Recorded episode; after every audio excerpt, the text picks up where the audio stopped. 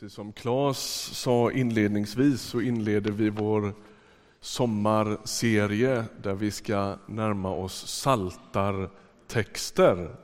Saltaren som ju är Bibelns stora sång och bönbok där eh, allt verkligen får plats. Om du är orolig över, får man verkligen be om vad som helst så tycker jag att du ska bläddra i Saltaren där det finns så mycket av mänsklig hela mäns, allt mänskligt får liksom plats där. När jag var 20 år gammal då gick jag på bibelskola och så tänkte jag så där nyanserat som bara en 20-åring kan att här inne har de koll på allting. Äntligen har jag kommit till ett nästintill fullkomligt sammanhang. Jag kommer ihåg när jag tänkte den tanken. Jag satt i klassrummet och tänkte, här har de koll. Och det var en ganska schysst känsla. Nu har jag liksom hittat grejen. Men jag minns också när den bilden gick sönder. När jag förstod att de har inte så bra koll som jag tror. När ledare visade sig vara både radikala och syndiga på samma gång.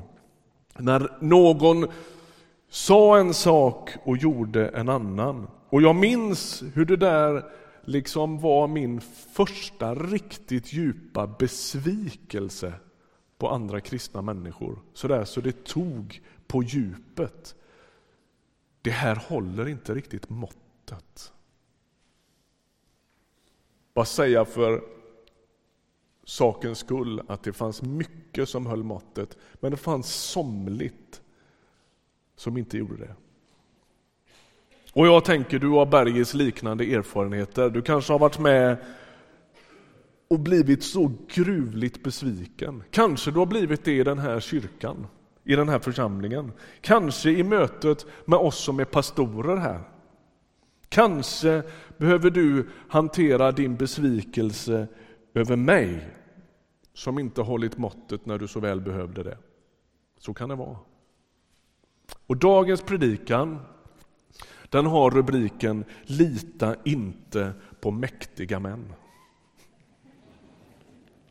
Vi ska se var vi kommer. Vi går till psalm 146. Psalm 146. 46. Och vi läser hela. Halleluja, prisa Herren min själ.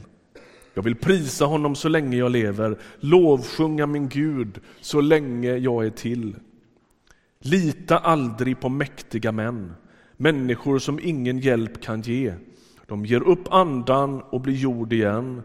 Då går deras planer om intet. Lycklig den som har sitt stöd i Jakobs Gud och sätter sitt hopp till Herren, sin Gud. Han som har gjort himmel och jord och hav och allt vad som finns i dem. Han sviker aldrig sina löften. Han ger de förtryckta deras rätt. Han ger dem svältande bröd. Herren befriar de fångna. Herren öppnar blinda ögon. Herren rätar krökta ryggar. Herren älskar de trogna. Herren ger främlingar skydd, sök, stöder faderlösa och änkor, men korsar de ondas planer. Herren härskar för evigt. Din Gud, o Sion, från släkte till släkte. Halleluja.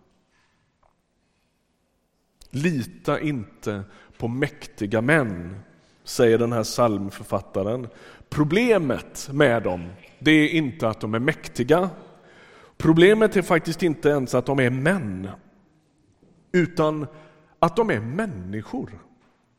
Det är problemet. Eller, det är självklart inget problem med människor. Frågan är hur mycket man kan lita på dem. Det finns en gräns för hur mycket tillit och förväntan man kan ställa på en annan människa.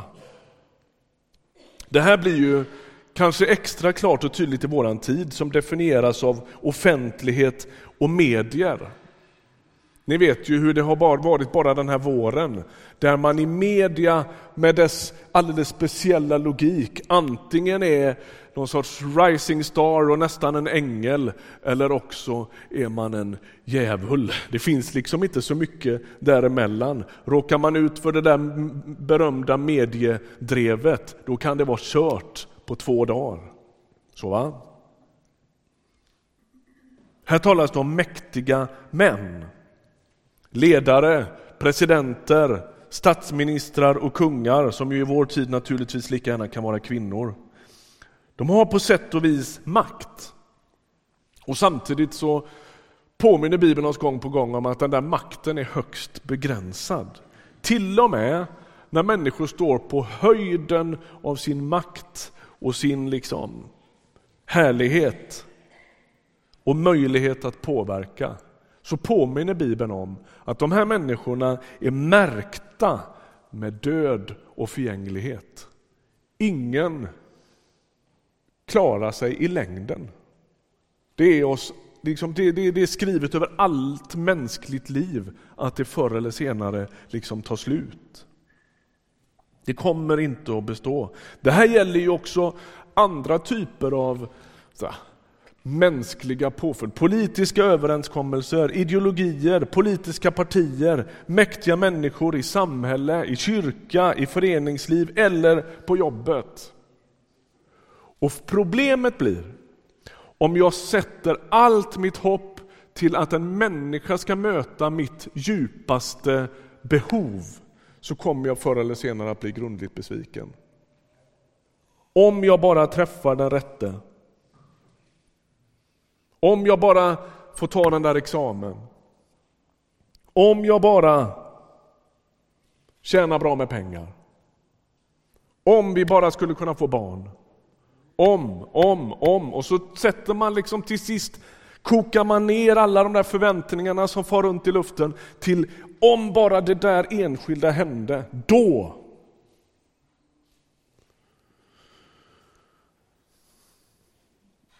Ibland hör man människor säga, du vet det där med att få barn, det är livets mening. Nu har vi haft tre fantastiska små barn här framme. Och samtidigt tänker jag, det där är lite lurigt. Å ena sidan kan man känna en viss sympati med det. Det är ju bättre att säga barn är livets mening än att shopping är livets mening. Eller hur? Det är åtminstone relationellt. Och samtidigt tänk, tänker jag att det inte känns riktigt bra. Varje gång jag hör någon säga så, så tänker jag två saker. Det första är, okej, okay, är ett liv utan barn meningslöst då? Vi ska vara lite försiktiga med vad vi säger. Eller hur? Och det andra jag tänker är Stackars barn. Tänk att växa upp med den bördan över sina axlar. Att min livsuppgift är att ge mina vilsna och förvirrade föräldrar mening och riktning med sina liv. Det är orimlig förväntan att lägga på barn.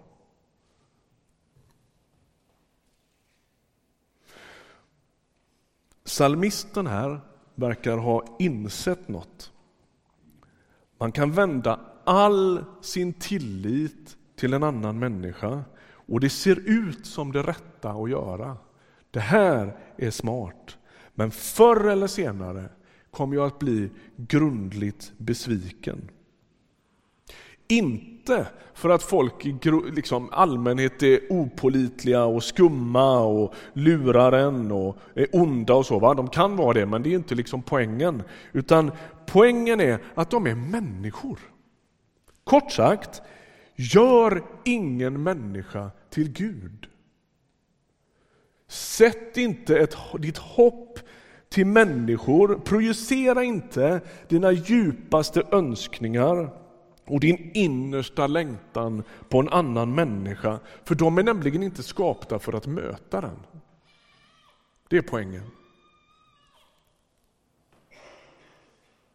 Och så verkar det som att den som har skrivit den här salmen istället målar en annan bild. Va? Herren som är skaparen, han är den enda man i djupaste mening kan luta hela sitt liv emot. Vad betyder det? Ska man hålla sig för sig själv? Distansera sig från vänner, distansera sig från församlingsliv så att man inte börjar lita till dödliga människor? Nej, det ska man naturligtvis inte. Men man ska ha rimliga förväntningar på folk. Problemet uppstår när min djupaste tillit, min förväntan på vad och vem som ska möta mitt innersta, min innersta törst, min djupaste längtan, när den vänds åt fel håll, då uppstår problemet. Ingen människa kan på djupet göra det. Bibeln gör en stor sak av det där med gemenskap. I Gamla testamentet kallar Gud ett folk. De erfar Gud tillsammans. Gud undervisar dem om vikten av relationer. Järn ger skärpa åt järn, säger Ordspråksboken, och människa ger skärpa åt människa. Alltså det finns en hög idé i Bibeln om att leva i nära relationer. Det är inte så att Bibeln uppmuntrar oss till isolering, individualism, cynism. Och Nya testamentet bara förstärker den där bilden. En del människor, tänker jag, hamnar vid sidan om gemenskap och relationer för att man har svårt att lita på folk.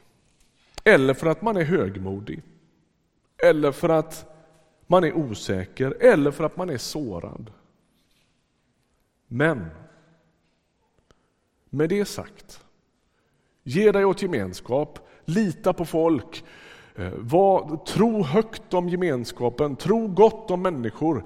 Men somligt gör man bäst i att vända sig direkt till Herren för att få. Vad skiljer Herren i den här texten ifrån de mäktiga männen?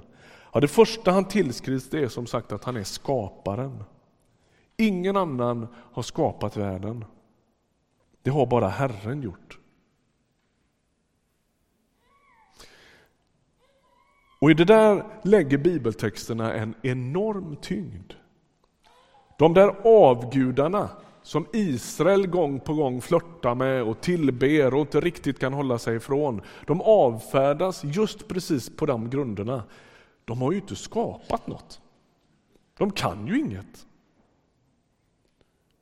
Profeterna de driver rätt hårt med de här avgudarna. Det är ju, vi pratar ju om att jag som är född 1968 är del av den ironiska generationen, men läs profeterna. Här kan vi snacka ironisk generation. När de driver med, med avgudarna, de kan ju ingenting. Man får ju luta dem mot ett träd, annars ramlar de ju i kull, de här statyerna ni har byggt. Man får ju bära runt på dem. De kan ju inte ens förflytta sig själva. De förmår inte göra något gott och inget ont heller. De kan ingenting. Och de har all, minst av allt har de skapat världen. Och så verkar det där bli en sorts lackmustest på vem ska man vända sitt, hela sitt liv till? Vem ska man luta hela sin tyngd mot? Ja, det må vara någon som har uträttat något, någon som har skapat världen. Annars får det vara.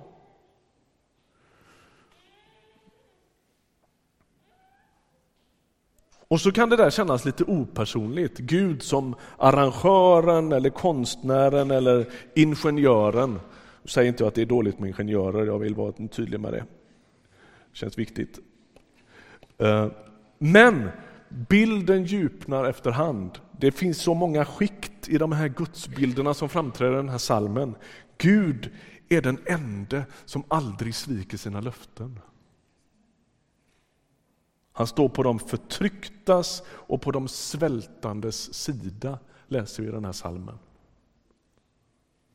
Han befriar de fångna, han öppnar de blindas ögon och han rätar krökta ryggar. Vilken gudsbild! Jag vet inte vilket som är viktigast för dig just i det fas i livet du är i nu. Kanske det är de där krökta ryggarna. Tänk om Gud är den som går runt och inte lägger en massa orimliga bördor på människor utan faktiskt är den som rätar människors rygg. Han står på de utsattas och de svältandes sida. Det är ju slående att ateisterna i världen, om vi pratar lite mer generellt och globalt, inte främst återfinns bland de förtryckta, blinda och krokryggiga. Globalt sett återfinns ju ateisterna snarare bland de välbeställda, mätta och stolta. Så är det ju. I den fattiga delen av världen där finns det inte så jättemånga ateister.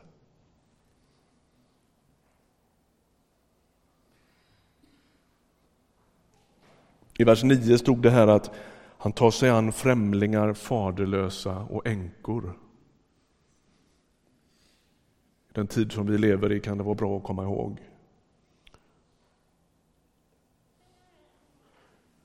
Gud är inte taggtrådens Gud, han står på främlingens sida. Så är det. Den här salmen den bär ju ganska tydliga drag av en annan text. Jag vet inte om du lägger märke till det när vi läser den. Om befrielse för de fångna, syn för de blinda. Känner du igen texten? Hämtad ifrån den finns på flera ställen, det är en Jesaja-text från början och så citerar Jesus den när han inleder sitt eh, offentliga, sin offentliga predikogärning. Där han säger så här.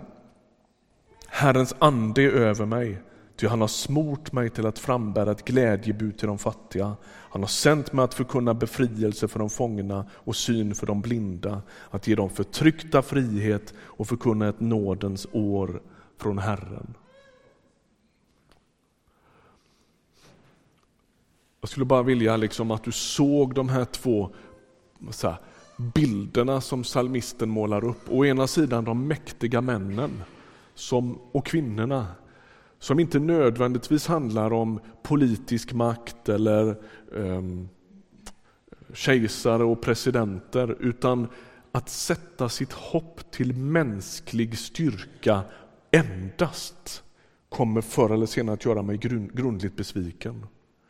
Och så målas motbilden till det, skaparen, den trofaste, som rätar på ryggar, som öppnar ögon, som lättar på bördor, som hjälper människor, som har ett alldeles särskilt öga till de utsatta och som framförallt alltid finns kvar. Han har alltid funnits och är ursprunget till allt och han ska alltid finnas kvar och kan inte rubbas. Och där någonstans liksom, ställs de här bilderna mot varann. Och då blir frågan i avslutningen av min predikan, hur navigerar man rätt i det här? När är det läge att lita på folk? Och hur mycket ska man göra det? Och när bör jag helt enkelt vända mig till Herren för att få hjälp med min djupaste längtan? Ja, jag är ledsen, det kommer ingen sån där liksom knivskarp linje. Här går den idag. Utan jag tänker, det krävs ett ganska stort mått av urskiljning i den frågan. Lev i så sanna och generösa och varma relationer som du bara kan. Hoppas du hör mig säga nu. Jag säger inte att du ska gå hem och isolera dig. Tvärtom. Ge dig åt relationer. Våga tro på folk. Bli ingen cyniker. Men påminn samtidigt ditt hjärta om att endast han är fullkomlig. Att endast han djupt, djupt måste få tillgång till dina oläkta sår, till din ouppfyllda längtan och till dina krossade drömmar. Som pastor möter jag ofta just precis det där, om jag bara träffade någon. Om jag bara... Och jag har stor respekt för det. Det är en verklig sorg och det är verkliga förluster som man ska ha den djupaste respekt för. Om jag bara blev frisk. Om jag bara fick ordning på mina pengar. Om jag bara kunde få barn. Och jag sörjer med dig. Jag lider tillsammans med dig. Jag har också några sådana, om jag bara. Men med, när jag ber för det, för det tror jag man frimodigt ska göra, så påminner jag samtidigt mitt hjärta om djupast är det bara Jesus som kan släcka min törst. Livets djupaste mening är inte ett lyckligt äktenskap. Livets djupaste mening är inte ens att få vara frisk eller att få barn eller att få ett stimulerande jobb. Allt det är viktigt och allt det ska vi ha stor respekt för. Men at the end of the day så kan bara Herren möta vår djupaste längtan. Han är den enda som kan bota oss. Han är den enda som kan läka våra djupaste sår. Ibland givetvis genom andra människor, absolut. Men lita aldrig så mycket på människor som du litar på Herren. Du som känner dig desillusionerad av svikna löften, kraschade relationer, hycklande ledare. Gud lider med dig. Han har känt samma sak.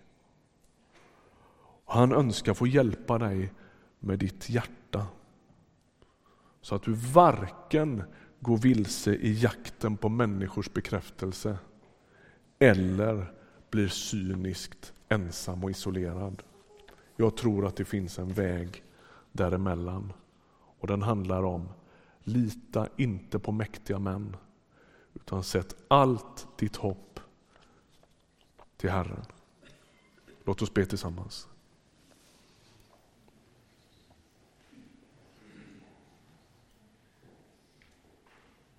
Jesus, du är den som öppnar ögon. Du är den som rätar på krökta ryggar. Du kommer med befrielse, du kommer med lätthet. Du kommer med frid, med nåd och barmhärtighet. Kommer också med sanning. Nu ber vi, vi lägger våra liv inför dig så ber vi hjälp oss att navigera. Vi vill leva varmt, vi vill leva sant, vi vill leva innerligt i relation med andra. Och samtidigt vill vi leva nyktert och förstå att ingen kan ta din plats.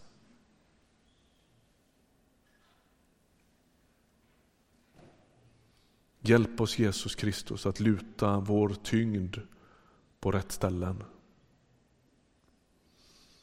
Amen.